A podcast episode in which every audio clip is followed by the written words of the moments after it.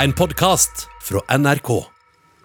Forbrukerøkonom Magne Gundersen, hva hadde du sagt til Norwegian hvis selskapet var med i Luksusfellen? Skal vi få til en god deal, må dere slutte å flotte dere.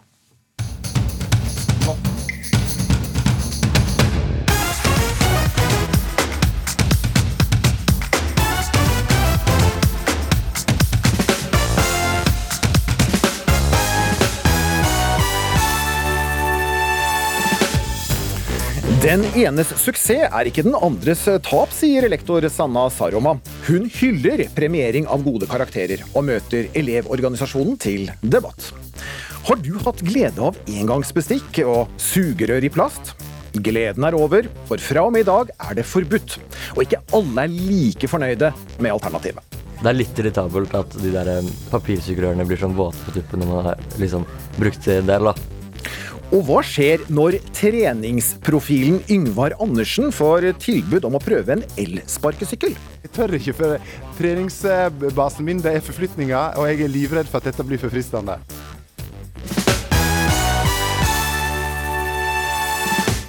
Velkommen til ukeslutt denne første lørdagen i juli. Jeg heter Vidar Sem. Første lørdagen i juli er det nok en del som setter kursen mot sitt sommerparadis. Og i år som i fjor er det norgesferie som gjelder for mange.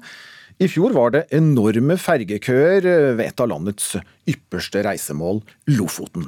Men et smitteutbrudd på det populære turiststedet Henningsvær legger nå en demper på reiselysten dit. Reporter Jon Inge Johansen har snakket med både turister og kommuneoverlegen i dag, og har sendt oss denne rapporten. Ja, det er en nydelig sommerdag med sol fra skyfri himmel her i Svolvær i Lofoten, hvor jeg befinner meg akkurat nå.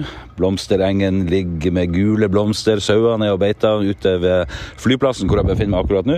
Og hit kommer det altså turister fra hele Norge som har tenkt å tilbringe ferien sin i Lofoten i sommer. Liten malurt i begeret er jo kanskje at eh, de siste to ukene har Vågan kommune vært ramma av et eh, omfattende koronautbrudd i eh, det populære feriestedet Henningsvær, som ligger eh, like utenfor Svolvær sentrum. Kommunelege Jan Håkon Juel sier at eh, smittetallet og de positive testene har gått opp det siste døgnet. Vi har jo nå fått eh, til sammen 36 eh, positive covid-19-tilfeller knytta til, til Vågan og Henningsvær i løpet av litt over to uker. Nå har kommunen innført lokal forskrift også, eh, som er blitt omtalt som en nachspielforskrift. For det er det man i første rekke skal ramme. Det er alkoholskjenking, men det er ikke lov å være samla så veldig mange på hjemsteder og hjemplasser. Hvordan tror du denne kommer til å virke? Den, den tredde i kraft i natt, så dette er jo første døgnet den er i virksomhet. Ja, Vi forventer jo mindre festaktivitet etter midnatt. Gjør det noe med folk sin følelser og lyst til å reise til Henningsvær, tror du? Når det kommer ut sånn at her er det smitteutbrudd. Vi står akkurat rett fremfor eh, fellesferien. Mange er på vei til Lofoten. Tror du at eh, Henningsvær vil merke at det utbruddet har vært eh, mediedekt? Det tror jeg de har gjort allerede. De rapporterer jo på at det, det kommer avbookinger, og, og folk flytter seg kanskje til andre steder i Lofoten og Vesterålen. Men jeg tror ikke den store frykten er der, og jeg tror heller ikke den er begrunna. Fordi at det er fortsatt sånn at de, det er de basale smittevernrådene med å holde avstand og vaske hender og, og den type ting som er tilstrekkelig for å unngå å bli smitta. Kommunelegen der altså positiv, men turister som vi møtte på på gata nede i Solvær sentrum, er ikke helt trygge på å dra til Henningsvær. Siri Båstad og Tom Søderlund er turister i Lofoten. Vi besøker venner, ja. eh, og Lofoten er vakkert og flott.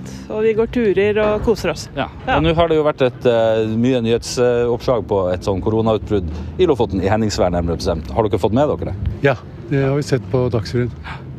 Gjør det noe med måten dere oppfører dere i Lofoten på? Ja, Vi skulle gjerne vært i Henningsvær, men vi dropper det likevel pga. det utbruddet. Ja, Vi lar være å dra til Henningsvær, og så holder vi oss på Eggum og drar litt innom Leknes og Svolvær og andre steder i Lofoten. Da.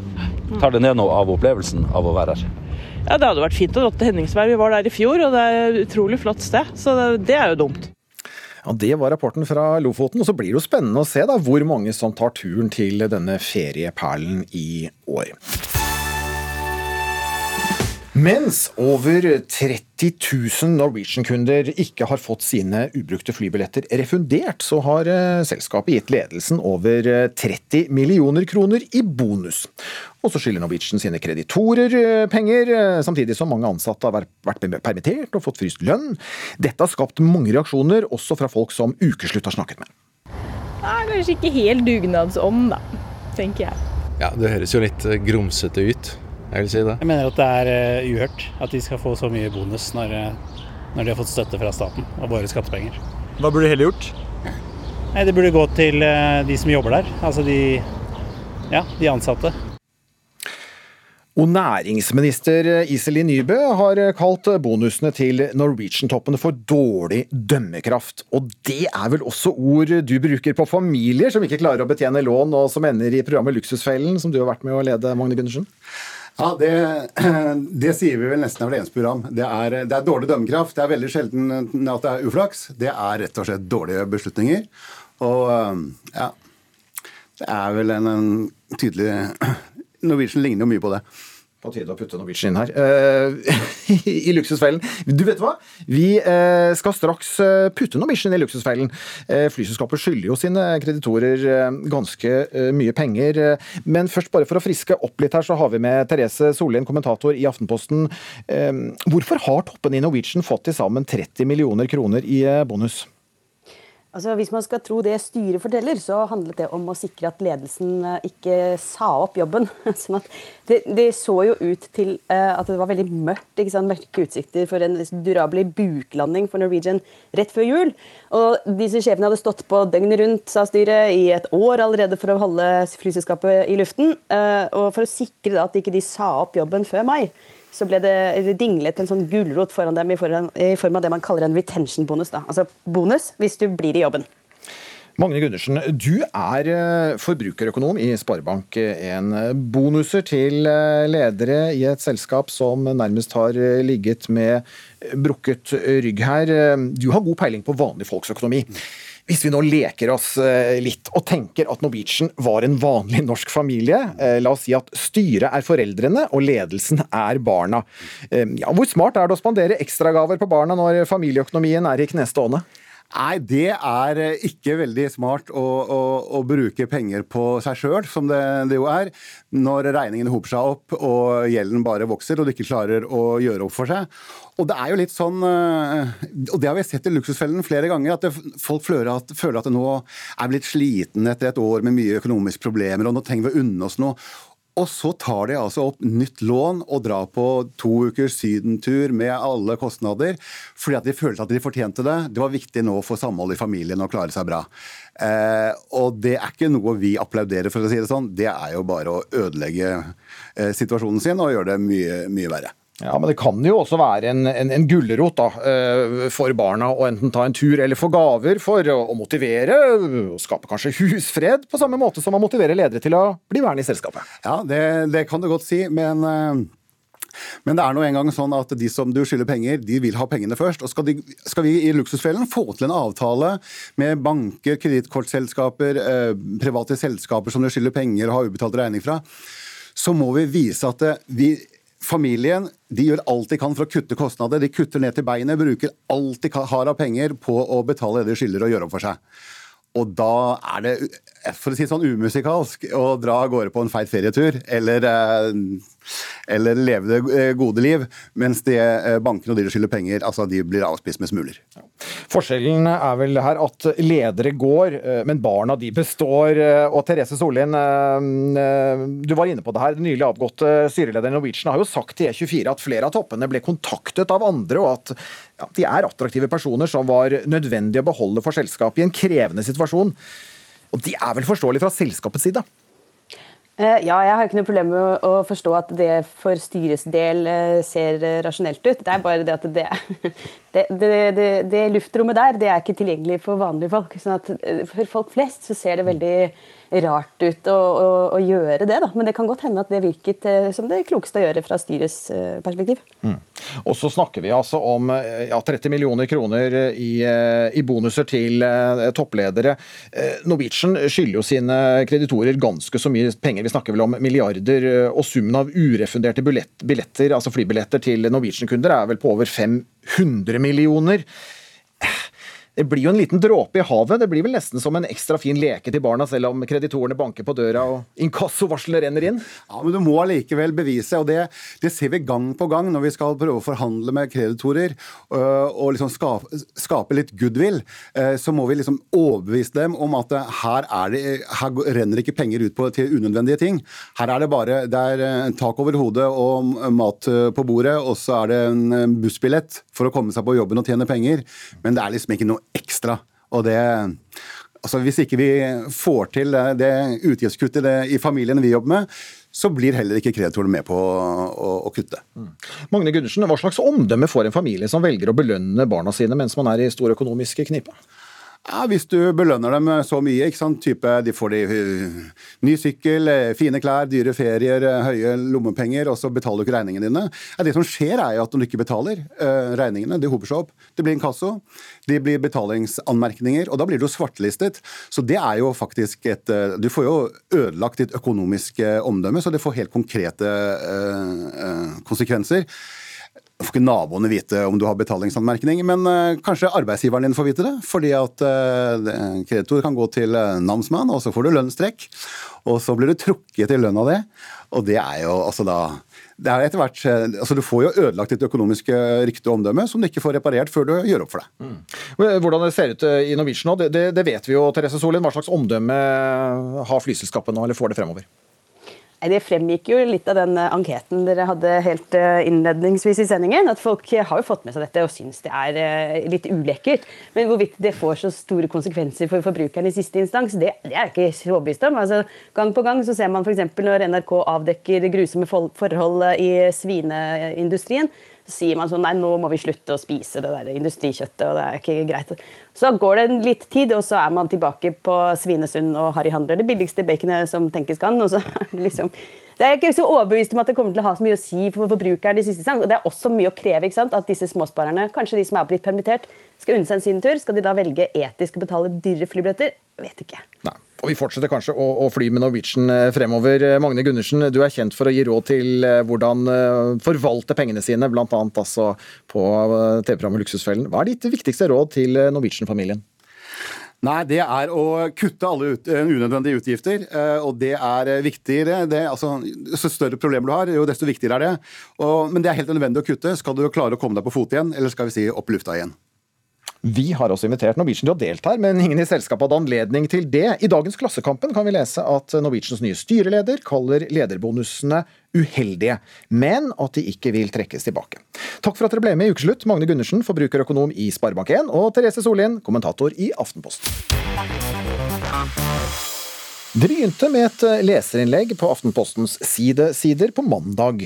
Lite ante avgangselev Kira Amalie Berg Ottesen at hennes innlegg ble det nyhetsoverskrifter og TV-debatter av. For hennes innlegg om eh, skuffelsen under vitnemålsutdelingen da de to elevene med best snitt i karakterer fikk gavekort på 1000 kroner, det har engasjert mange. Velkommen hit, Kira Amalie Berg Ottesen. Tusen takk. Hvordan har denne uken vært? Denne uken har vært helt surrealistisk, og engasjementet har vært over all forventning og overveldende.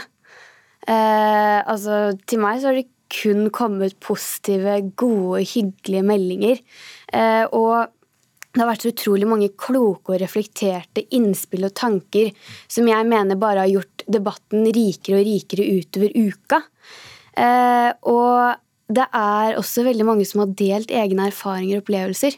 Og det har vært veldig fint, og det har vært rørende, og det har vært vondt i tider.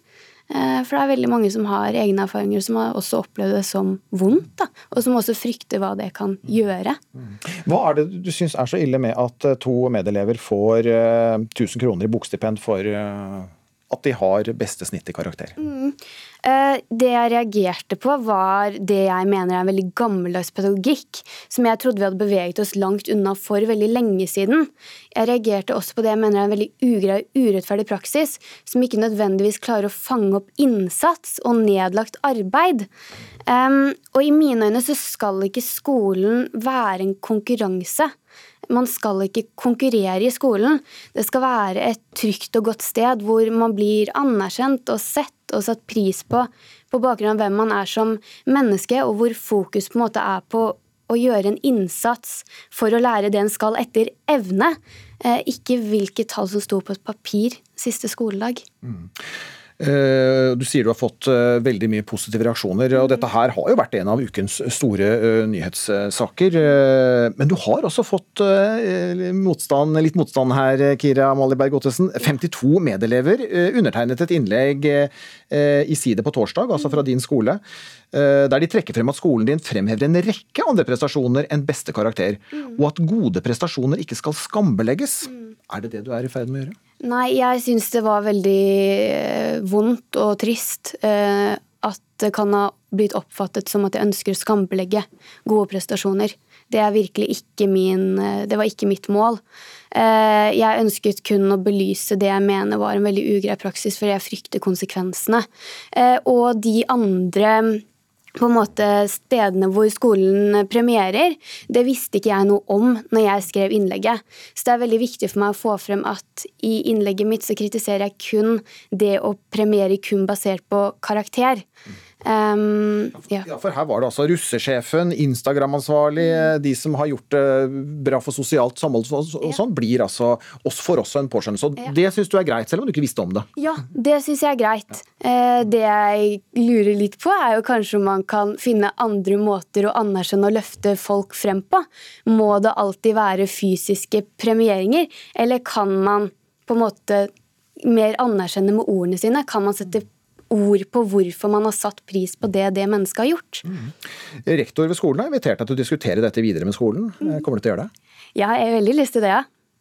Det, det har jeg veldig lyst til. Får vi se hva, det, hva som kommer ut av det. Takk for at du kom hit til Ukeslutt, Kira Amalie Berg Ottesen. Tusen takk for at jeg fikk komme. Og rektor ved Nydalen videregående skole i Oslo, Linn Siri Jensen, sier at skolen er opptatt av å anerkjenne innsats og se elevene, ikke premiere. Og hun påpeker at dette ikke er penger som gis, men altså et bokstipend.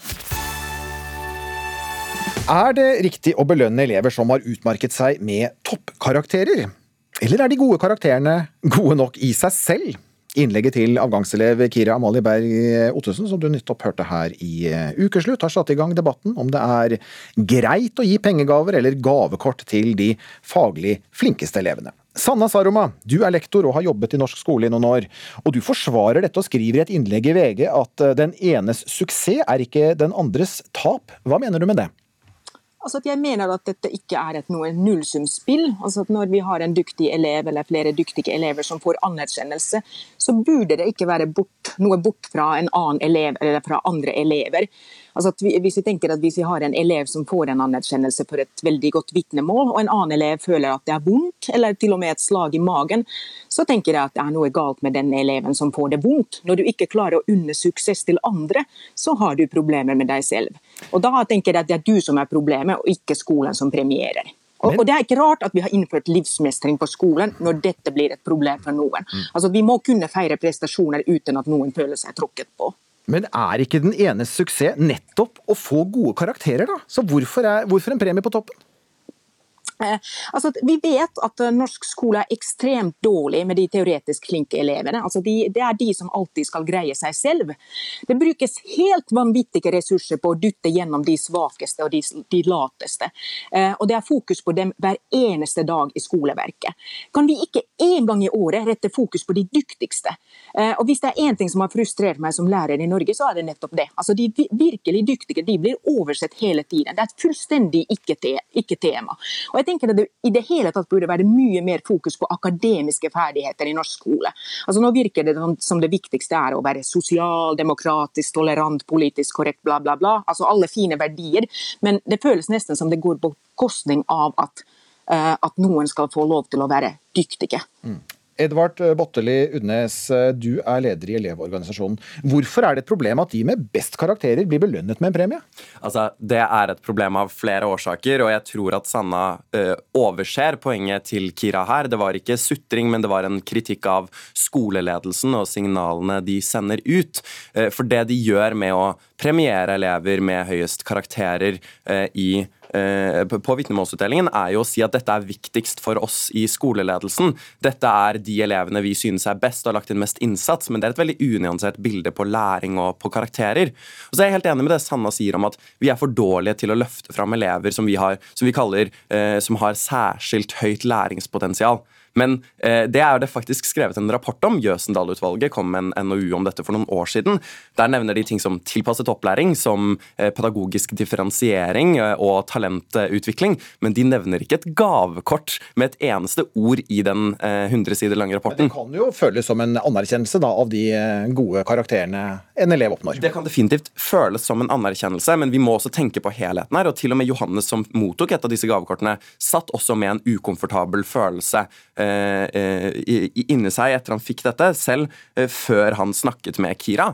Eh, og Da er det viktig å faktisk anerkjenne at Eh, ikke alt kan måles gjennom karakterer. Og når vi sentraliserer disse avgjørelsene til skoleledelsen, som ikke har samhandlet med disse elevene i løpet av året og ikke kjenner dem, eh, så blir det bare det enkleste å måle vi måler. Det er karakterer. Det har så mye å si med forutsetninger. Det har så mye å si med kjønn, eh, sosioøkonomi og geografi, hvor gode muligheter du har for å gjøre det bra på skolen i Norge.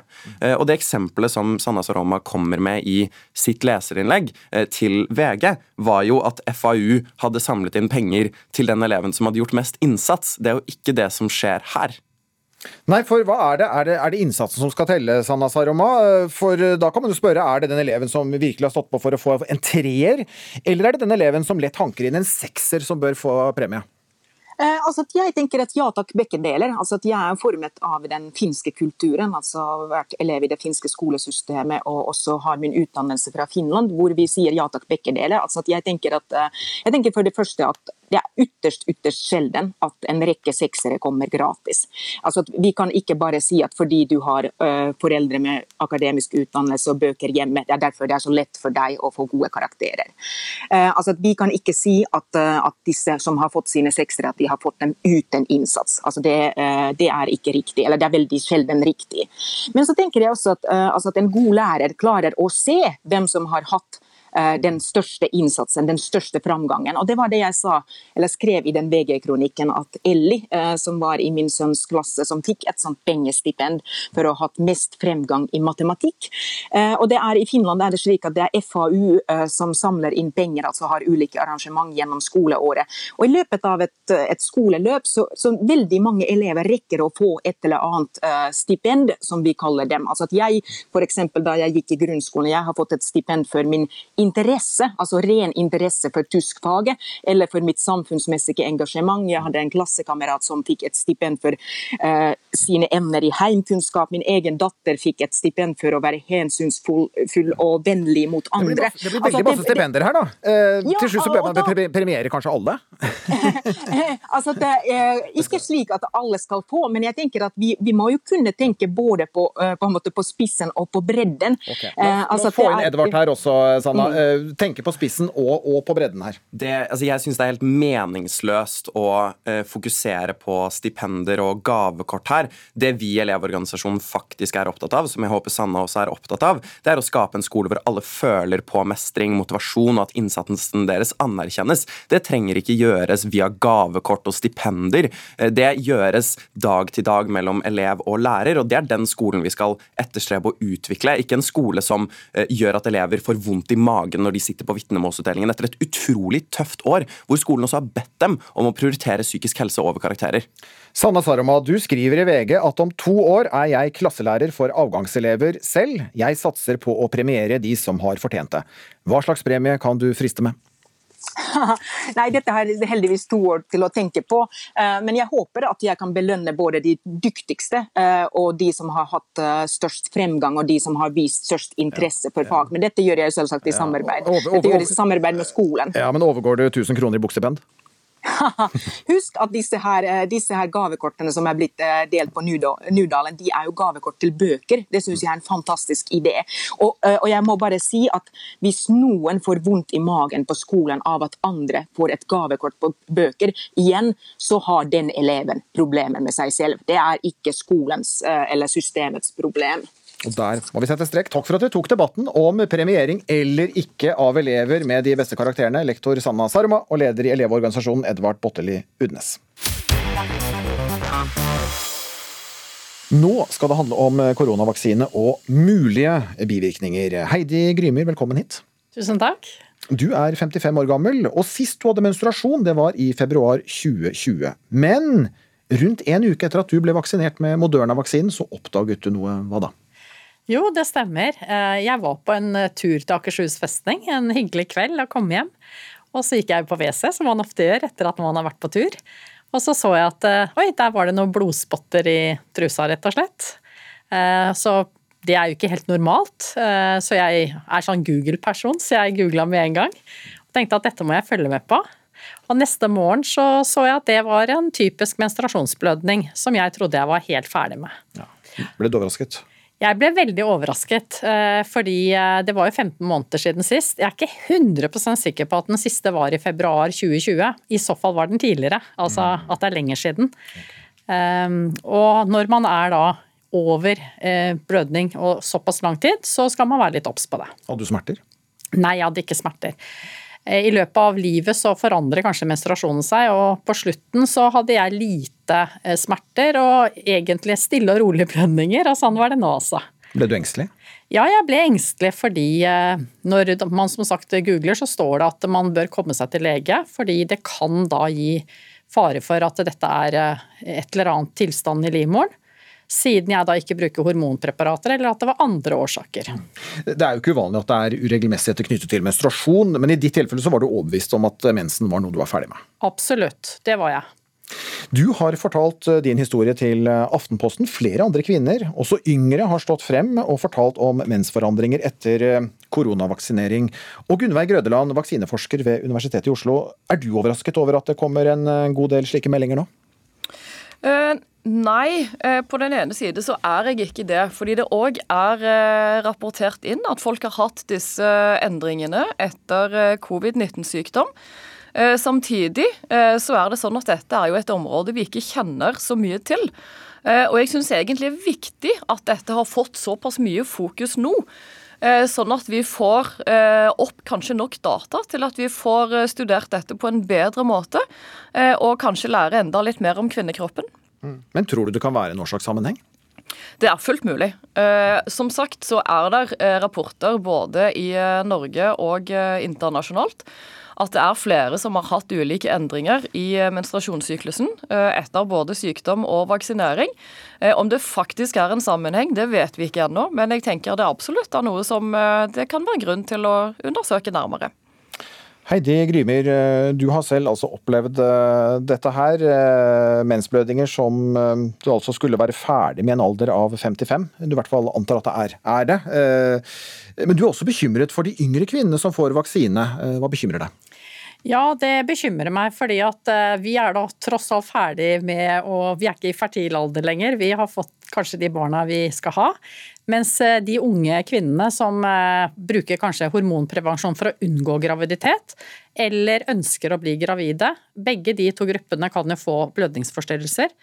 Og da bekymrer det meg at eh, for det første at de blir engstelige fordi de ikke visste om det. Men nå har jo mye kunnskap kommet, og det er kjempeflott. Men det som bekymrer meg, er at kanskje hormonprevensjon ikke virker fullt ut. Eh, kanskje bør man vise forsiktighet. Altså, det er mye vi ikke vet. Eh, og det er jo store grupper. Altså, nå er det hele befolkningsgrupper som skal massevaksineres. Og det er et stort ansvar for samfunnet. Ja, Gunnveig Grødeland, er det grunn til bekymring? Eh, nei, eh, ikke egentlig. Altså Som sagt, Her er det mye vi vet, men det som har vært undersøkt, er fertilitet eh, eksplisitt. og der har man ikke sett problemer med det etter vaksinering. Eh, så det hadde jeg ikke vært så bekymra for. Eh, samtidig er det sånn at det er ganske mye vi ikke vet om kvinnehelse, og alle studier som kan gi oss Økt kunnskap er viktig, men jeg hadde ikke vært bekymra. Alt det vi har så langt av data, tilsier at det er forstyrrelser, og som vi absolutt bør undersøke nærmere, men at de er av en veldig kort varighet, og at det går veldig fort over helt av seg selv. Eh, som du var inne på tidligere, så er det jo sånn at i løpet av eh, livet vårt så vil eh, vi ha menstruasjonsforstyrrelser, de fleste av oss, av ulike årsaker. Noen ganger fordi vi er stressa, noen ganger av biologiske årsaker. Det er mange grunner. Sånn at det at vaksinen faktisk kan se ut til å gi forstyrrelser i en del kvinner, det er viktig å undersøke nærmere, men det er ikke noe jeg er bekymret for. Der hørte du vaksineforskeren Heidi Grimmer. Ble du beroliget? Jo, og egentlig den siste timen, eh, tiden har jo beroliget meg, fordi det har vært så mye åpenhet om det. Det at det blir eh, kunnskap om det, og at vi melder inn bivirkninger nå, det gir trygghet, og det er kjempeflott. Vi har også vært i kontakt med Steinar Madsen i Legemiddelverket. Han forteller at etter flere medieoppslag så har Legemiddelverket fått inn flere hundre meldinger om uregelmessigheter knyttet til menstruasjon, og de jobber nå med å systematisere disse meldingene. Takk for at dere ble med i Ukeslutt, Heidi Grimmer og vaksineforsker Gunnveig Grødeland. Nå blir det fotball. Frankrike var av mange spådd til å vinne Europamesterskapet i eh, fotball, altså. Men så under det siste og avgjørende sparket i straffekonkurranse mot Sveits i åttendelsfinalen på mandag, så skjedde dette. Vi har opplevd så mange ganger at det er de største profilene som iblant bommer. Han legger ballen klar inne i feltet. Han rygger litt tilbake. Han står der på 16-meteren, og keeper sommer midt i mål. Han løper mot ballen Mbappé. Han skyter, og keeper redder! Keeper redder! Hva var det jeg sa? Hva var det jeg sa innimellom? Gått fra linja. Kanskje gått fra linja. Det var Nei da, den er godkjent! Ja, Kylian Mbappé tok altså det avgjørende straffesparket for Frankrike mot Sveits. Keeper reddet, og dermed røk storfavoritten Frankrike ut av EM. Nils Henrik Smith, velkommen til ukeslutt. Tusen takk. Du har skrevet boken 11 meter, straffesparkets historie, og her kunne du vel skrevet et nytt kapittel om den franske bom? Ja, det er jo det som er en av mange ting som er spennende med, med straffespark, syns jeg. Da, at den katalogen over dramatiske hendelser i straffehistorien, og spesielt straffekonkurransehistorien, den, den utvides stadig. Og den eh, straffen til Mbappé på mandag den var jo et klassisk eksempel på dette som, som vi hørte at de sa at gjerne skjer, at det er eh, en stor stjernespiller som står for den avgjørende missen. Men der er det jo viktig å ha sagt at grunnen til at stor, eller en viktig grunn til at store stjernespillere ofte bommer, eh, som vi har sett ut utallige ganger før, er jo at det nettopp er de som plasseres i disse situasjonene, som blir gitt det ansvaret. Eh, det, det avgjørende sparket. Ja. Eh, jeg vet ikke hvorfor de hadde valgt at Kylian Mbappé skulle være eh, femte og da siste skytter i, i den straffekonken. Var det et dumt valg? Nei, ikke nødvendigvis. Altså, det, det, mest fornuftige tenker jeg da, er å ha uh, ditt førstevalg. Den faste straffeskytteren tar den første. Uh, og så er det jo mange andre måter, mange forskjellige måter å gjøre det på, men det er ikke isolert sett noe dumt valg å ta den du antar er kanskje eh, nest best eh, på den siste straffen, for der er jo ofte presset størst. og Da havner du jo gjerne i den situasjonen at du, du må skåre. Eh, men om det var den tankegangen uh, Didier Deschamps og det franske trenerteamet hadde, det, det, kan jo ikke jeg si sikkert. Nei, nei. Men stjernespillere har vel også uh, det ekstra presset, nettopp forventningspresset, at de skal prestere. Uh, som kan bringe dem litt i ubalanse, eller? Ja, det kan det selvfølgelig. Det finnes mange eksempler på det. Eh, Roberto Baggio for eksempel, som bomma på den avgjørende i VM-finalen i, i, 1994. Eh, mange andre eksempler på, på store altså Messi har bomma på straffe i straffekonk. Eh, Cristiano Ronaldo, kanskje ikke på landslaget, men i Champions League f.eks. Og mange sånne. Men det jeg lurer litt på, er jo inngangen til Frankrike til den straffekonkurransen. Om de var mentalt godt nok forberedt om Mbappé visste på forhånd at hvis han var på banen, så var det han som skulle ta den femte. For hvis du ser på eh, de andre franskmennene og også de sveitsiske skytterne, så, så, var, så virket Mbappé stressa. Og han eh, Og det bør man ikke være. Nei, han agerte raskere. altså mm. fra, fra dommeren gir klarsignalet til, til han skyter, så går det kortere tid enn for noen av de andre skytterne. og Det er ofte et tegn på at du eh, er litt i ubalanse og bare vil bli ferdig med det. Og kanskje ikke få psyket ut keeperen heller. Ikke sant? Men nå fikk kanskje Frankrike sin lille, lille revansj, eller eh, plaster på såret, og, og, kanskje et nytt kapittel for deg da, om det der å bomme på straffe. For mandagens seierherrer eh, mot Frankrike, altså Sveits, ble jo gårsdagens tapere mot Spania med hele tre bom i, i straffesparkkonkurransen. Er det overraskende? Ja, det er jo alltid litt overraskende når et lag som de så så trygge ut eh, i forrige straffekonkurranse, eh, tar så svake straffer som et par av de sveitsiske i den neste. Men det skjedde jo et par ting. For det første så, eh, så vant jo Sveits myntkastet i den første mot Frankrike og fikk skyte først. Eh, og det er jo statistisk sett en klar fordel. Eh, mot, eh, mot, Spania så er det Spania som får den sjansen, og så, utrolig nok, så Eh, så skyter Busquets han finter ut keeper, men skyter i stolpen. Eh, og så har de egentlig skusla vekk den fordelen. Men Sveits kommer med de samme skytterne i den samme rekkefølgen, og interessant nok er tre av de innebyttere i kampen. Men det er kun han første, Gravanovic, som skårer, som tar en straffe som er mer eller mindre lik den han tok i forrige kamp. Mm. Og så blir det bom på bom på bom. Mm. Straffespark lykkes jo heldigvis ofte også, da. Eh, fra norsk side så står nok Kjetil Rekdals straffe mot Brasil under fotball-VM i 1998 som et av de store øyeblikkene i eh, norsk fotball. La oss høre. Er det straffespark? Det er det! Er det straffespark? Skal vi komme videre på slutten? Vi har reist oss på plassene våre. Og Kjetil Rekdal fra Han ja! skårer! Norge leder 2-1! Norge leder! Viva la Norvège! Og led Norge! Kjetil Rekdal og alle hjemme. Jeg har ikke opplevd naken og dette med det er fullt hjerte. Ja, dette er eh, gode minner både for Arne Skeie og mange av oss andre.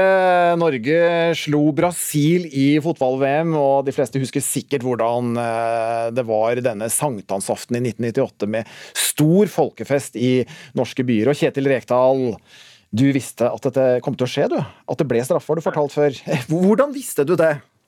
Nei, det er vel uh, litt intuisjon, kanskje. Og så er det jo Jeg tror det kan være lurt å forberede seg på litt uh, uvante settinger i, i store kamper. Du... Uh, og, ha, og, og, ta kontroll på situasjonen hvis det skulle skje. Så det tror jeg var en stor fordel, og at jeg hadde tenkt gjennom at dette kan faktisk skje. Mm. For Dette snakket du om tidligere på dagen til lagkamerat, at det ble nok en straffe som du måtte ta. Hva tenkte du da når straffen kom?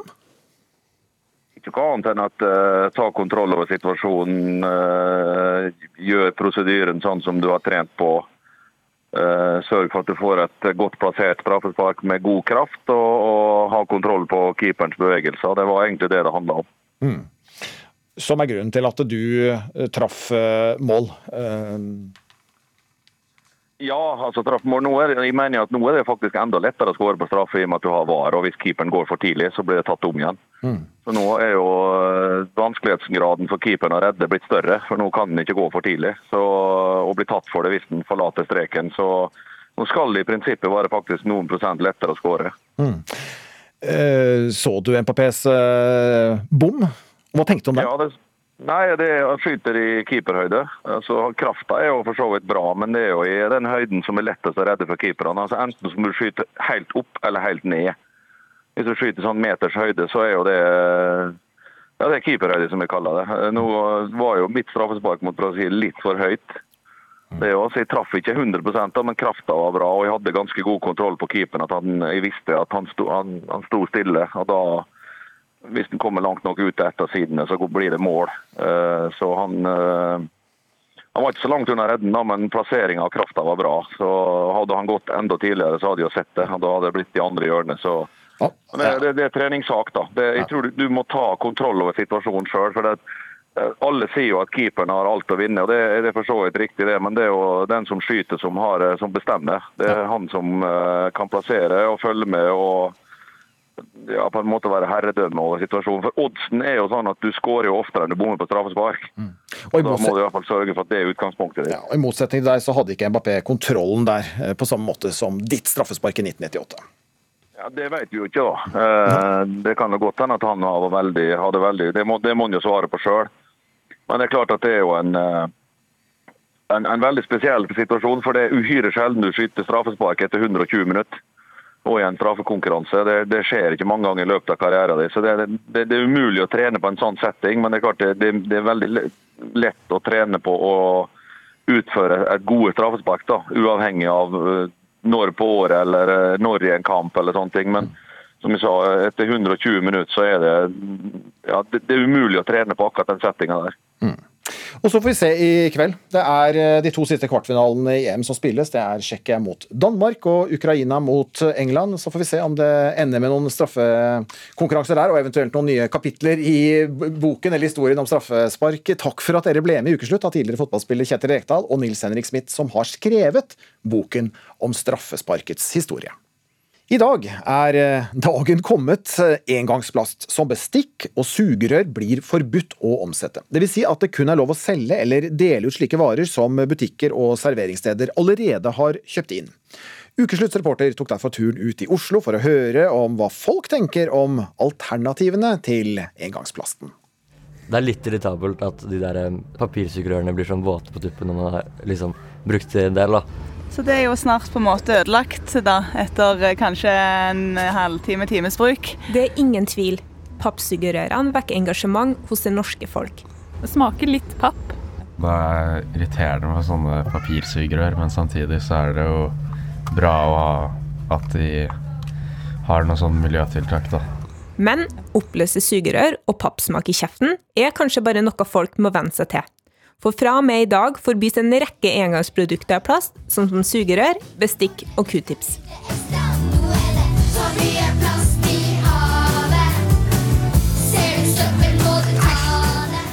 De er viktige. De er viktige som en signaleffekt til eh, næringene selv og til markedet, som sier nå kommer omstillingen. Det er på tide å brette opp ermene og gjøre seg klar. Miljøaktivist og sentralstyremedlem i Natur og Ungdom, Gina Gylver, har venta lenge på det nye miljøtiltaket som skal forhindre plast i havet. Hun er glad for at det nå er endelig på plass, men er klar på at man har en lang vei å gå. Det er fortsatt en dråpe i havet av alle de, eh, ja, alle de problemene som er der. All den plasten som skylles eh, i land på norske strender og i verden ellers. Så det er mye som fortsatt skal til alt vi nå gjør på klima, miljø, forurensning, forsøpling, det er jo ting som burde skjedd i går.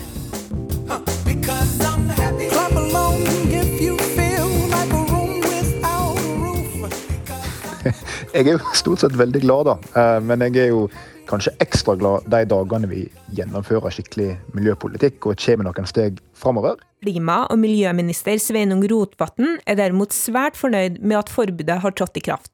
Eh, og det at vi nå får slutt på denne typen unødvendige engangsplastprodukt, det er et bra steg framover. Han sier at det ikke bare er tilfeldig hvilken type produkter som forbys. Den typen engangsplastprodukt som en finner mest av på strendene og i havet, altså noe av det folk kaster mest av, og ikke minst er det produkt som det finnes ganske gode alternativ til. Men sjøl klima- og miljøministeren må innrømme at pappsugerørene har en bismak. Jeg har også eh, noen ganger fått sånne pappsugerør som eh, blir ganske soggy ganske fort, altså, og det funker jo ikke så veldig bra. Han tror likevel at både den norske befolkninga og næringslivet er klar for plastalternativene, og det kan daglig leder på kafeen Pust i Oslo, Irene Larsen, skrive under på. Jo, jeg tenker at det er veldig bra at, de, at vi kan unngå litt mer søppel, egentlig. Og spesielt plast. Så ja, tenker det er tommel opp. Hun forteller at de allerede har plastalternativer tilgjengelig. I stedet for eh, bestikk, så har vi trebestikk, f.eks. Hvis du tenker på sugerør, så er det pappsugerør. Miljøaktivisten Gina Gylver har også tro på at det norske folk vil ta imot plastalternativene med åpne armer. Plast har jo vært noe av det som har vært lett for folk å engasjere seg i, fordi det er synlig. Det, er, eh, det, det, flommer over på norske strender. Det er lett å se, det er håndgripelig, og man ser også effekten. Eh, folk er kanskje ikke så glad i de pappsugerørene enda, men eh, det tror jeg vi får til. Sa altså miljøaktivist Gina Gylver, og reporter her var Runa Leinan. Du unngår ikke å legge merke til dem i norske byer, og de brer om seg. Elsparkesykkelen. Men hva skjer når treningsprofilen Yngvar Andersen får tilbud om å bruke en slik sykkel av sjefen for Voi? Yngvar, nå ser jeg at det står en Voi her. Kan jeg friste deg? Du frister veldig, altså, men jeg tør ikke. For treningsbasen min det er forflytninger, og jeg er livredd for at dette blir for fristende. Ilsparkesykkelen har nok kommet for å bli, ser det ut til. Men mange irriterer seg over at de ligger strødd rundt i veiene, og at de kjører fort. Og så er det noen som påpeker at syklene gjør noe med vår fysiske og psykiske form. Yngvar Andersen, vi kjenner deg jo som Trenings-Yngvar, og du er en av gründerne bak den digitale treningsstudio Nordic. Ja, vi hørte før musikken her at du ikke turte å ta elsparkesykkelen. Samtidig så har du sagt at du hater denne sykkelen. Hvorfor det? Ja, Det er jo en sterk motsetning. Eh, altså, Jeg eh, hater jo verken syklene, definitivt ikke de som bruker dem eller som står bak dem, men jeg eh, misliker jo sterkt det det gjør med oss, i likhet med mange andre hjelpemidler. altså Tar ifra oss eh, mange gode doser med verdens beste medisin, som selvsagt da er å bevege seg og trene. Ja, men Hva er du redd for skal skje med kroppene våre hvis vi bruker elsparkesykler eh, litt mer enn det man har gjort Ja. Kroppene er jo én ting, da, men, eh, men det er jo klart at eh, nå ser det vel ute i byene i alle fall at eh, hvis du er tolv år eller mer, eh, så, så er jo det mer eh, blitt som en sedvane. En finner nærmeste elsparkesykkel for å komme seg til skolen, til venner, til, til treningen, til treningssenteret osv. Og, og, eh, og det er jo klart at Vi vet jo nå, det er jo høyst ukontroversielt, og spark, elsparkesyklene er jo bare en liten del av dette. Men hver eneste gang vi velger å bevege oss, om det er to minutter eller ti minutter, eller selvsagt enda mer enn en halvtime, så har vi det jo bedre. Det er jo rett og slett eh, helt enkelt en, en lykkepille som ikke betyr at vi blir lykkelige, men at vi har det litt bedre. Og det er vel kanskje det jeg eh, er mest engstelig for her, at en hel haug med ungdom nå unngår å bygge vaner om å komme seg fra A til B med sykkel eller å bruke beina. Noe som senere i livet kan kanskje bli, som det er for meg, eh, hovedandelen av treningen. Altså at det skjer en, i en forflytning som gjør at en har mer tid til andre ting igjen, og ikke må reise på trening. Mm. Kristina Mo Gjerde, norgessjef i selskapet Voi, tar det for oss en lykkepille her med at vi rett og slett sitter eh, passivt på et transportmiddel og som forringer våre kropper. Oi, oi, oi. Eh, nei, altså, det vi mener det, og det vi ser, er jo at elsparkesykkel det er et eh, veldig fleksibelt eh, transportmiddel som gjør det veldig lett å komme seg rundt. Og i en tidsklemme, og tidsklemme er kanskje det mange ofte peker på til grunn til at man ikke mosjonerer mer. Så det vi har sett med elsparkesykkel, det er at det er rett og slett enklere å komme seg rundt. Det er enklere til å komme seg hjem fra jobb og til trening, som Ingvar også sier. Som du hadde, du du hadde tidsklemme for å komme hit til studio, du. Vet du hva, jeg rakk en treningsøkt i dag, og det er rett og slett pga. at jeg fikk voie til studio. Eh, Så da rakk jeg å voie til eh, Berries Bootcamp, ta meg en liten økt, og så voiet jeg til NRK Marienlyst. Så det, Ingvar, dette jo, må jo være musikk i dine ører, at hun faktisk får til en treningsøkt og litt høy puls. Eh, Alternativet ville vært at hun gikk her til studio her og ikke hadde fått trent. Ja, altså, og dette her er jo kanskje for spesielt interesserte, men det er kjempeflott at du har vært på Barry's bootcamp i dag. Det er kjempebra. Og det er jo ikke svart-hvitt, det må jeg jo si. Eh, Men, men det er jo klart at det det hadde jo òg gått an da å løpt til studio, hatt såpass god tid at en kunne ha Nå er det jo radio, og da, eh, da kan en jo komme her, iallfall jeg har gjort veldig mange ganger, rett før. Bare ha på Ja, det seg vi noe tørt, og så Kom i du, god. du er ikke så glad? Ikke se- se- Sent ankommende gjester, nei, det er jeg ikke så glad i. Men eh, det, Nei, det er ikke la, la oss si komme litt før eh, da, enn det jeg bruker å gjøre. Mm. Altså, vi er helt enig i trenings-Ingvar at mosjonere det er viktig. Men om folk vil gå, om de vil løpe, om de vil ta buss eller voie, det tenker vi at bør være opp til den enkelte. Eh, Det er litt sånn å tenke at I gamle dager da gikk man fra Drammen til Oslo. Eh, Mens nå har vi er så heldige å fått bane og vi har fått buss, som har gjort det enklere å bruke store deler, og bo ikke minst i store deler av byen. Så kanskje det er en, en god sammenligning. Byen er rett og slett blitt mer tilgjengelig for folk flest. Og så tror jeg et poeng her er jo også den mentale helsen til folk. Det at eh, man sparer tid i transport er for mange veldig veldig viktig til å få hverdagskabalen til å gå opp. Og ikke minst det at det er blitt lettere å bruke byen og se hverandre. Det tror jeg er et veldig viktig moment oppi det hele. Ja, så Hvis buss, eh, moped eller bil byttes ut med elsparkesykkel, så er vel det både en miljøgevinst og, og kanskje ikke så mye kroppslig forringelse? Eh, eller mentalt, Ingvar? Nei, det, det, er jo helt sant. Og, og det er jo vel, forskjellige tall ute og går her, både fra Norge og den store verden og sånn. Men, men, eh, men, eh, akkurat det å stå eh, som sild i tønne på en buss mot å stå på en elsparkesykkel hvis Jeg kjenner ikke det totale miljøregnskapet, men det høres ut som at det er en fordel å være på den. Men, men det er jo litt tvilsomt om det er veldig mye det som blir bytta ut, eller om det er, da, eller om det er bilturer eksempel, som som blir byttet ut. Der ser det vel ut til å være veldig lite av. Men igjen, det er ikke svart-hvitt dette her. Dette er en del av en, en, stor pakke der alle mennesker, gitt muligheten til det, eh, i all, hele verden velger å være inaktive når muligheten er der. Så til mer vi legger til rette for inaktivitet, til flere av oss blir inaktive. Så, så ingen har vonde vilje her, men, men vi, vi, er skrudd sammen sånn, og det er jeg da litt spøkefullt ikke tør å prøve. For jeg er som alle andre eh, i utgangspunktet, og, og alle andre som beveger seg rundt òg, vi, vi må jobbe for for å unngå å ta den enkleste veien. Men når vi gjør det, så kan vi da klare over tid å bygge vaner for å faktisk eh, ta beina fatt på den ene eller andre måten, når det er mulig. da. Du, hva, eh, Ingvar, og, og, det er jo det jeg tenker på her. Ja, men du, Hva skal til da for at du plasserer deg på en eh, sånn sykkel, som du fortsatt ikke tør å gjøre? Nei, altså, jeg, sånn, For moro skyld så kommer nok ikke jeg til å gjøre det. Men, men eh, nei, altså, jeg tenker at eh, hvis jeg hadde brukt en sånn en måneds tid, så tenker jeg at eh, det fort kunne blitt en vane som jeg da ikke ønsker å ha. Eh, og, som Kristina sier, det er jo mange eh, grunner til at dette her kan fungere veldig godt. Men, men jeg tenker at for eksempel så kunne jo Kristina og co. fått hjelp her til å ha hatt ei aldersgrense på, på, ikke bare hos seg, men totalt her, på 16 år f.eks. Eh, som hadde gjort at eh, en iallfall kom dit da, før en eh, hadde en mulighet til å bruke dette hjelpemiddelet. For jeg ser iallfall rundt meg, da, så er en tolv år eller mer nå, så er dette her eh, vanlig. Og da har en jo i hvert fall fire år der en må gå eller sykle til skolen, til trening osv. Og, så og kanskje vil noen da oppleve, sånn som jeg f.eks., at det, det, er bra. Når jeg har en dritdag, eh, så blir han litt bedre når jeg, eh, når jeg bruker beina til, til, jobb eller en avtale eller et møte eller et eh, treff med venner. Ja. Ingar, Kristina Mogjerde skal få ti sekunder her. Er det på tide? Det er jo veldig mange unge 11-12-åringer som nå står på elsparkesykkel fremfor å gå er det på tide at det blir 16-årsgrense, som Ingvar snakker om her. Det blir kjempebra, og det ønsker vi velkommen. Jeg tror eh, puls i Ingvar, trenings-Ingvar her, eh, han, eh, han, forstår også at hadde han testet elsparkesykkel, så hadde han sett elsparkesykkellyset og fordelene det bringer. Og så handler det om å finne eh, rikt, riktig balanse her, og jeg tror inaktivitet, inaktivitet er et større problem enn elsparkesykkel. Så får vi se om vi får til eh, på et senere tidspunkt at vi lokker Yngvar på en elsparkesykkel. Ikke denne gangen her. Takk for at dere ble med, Kristina Mogjerde, altså norgessjef i Voi, og trener, da, Yngvar Andersen. Med ukeslutt, altså. Takk skal dere ha.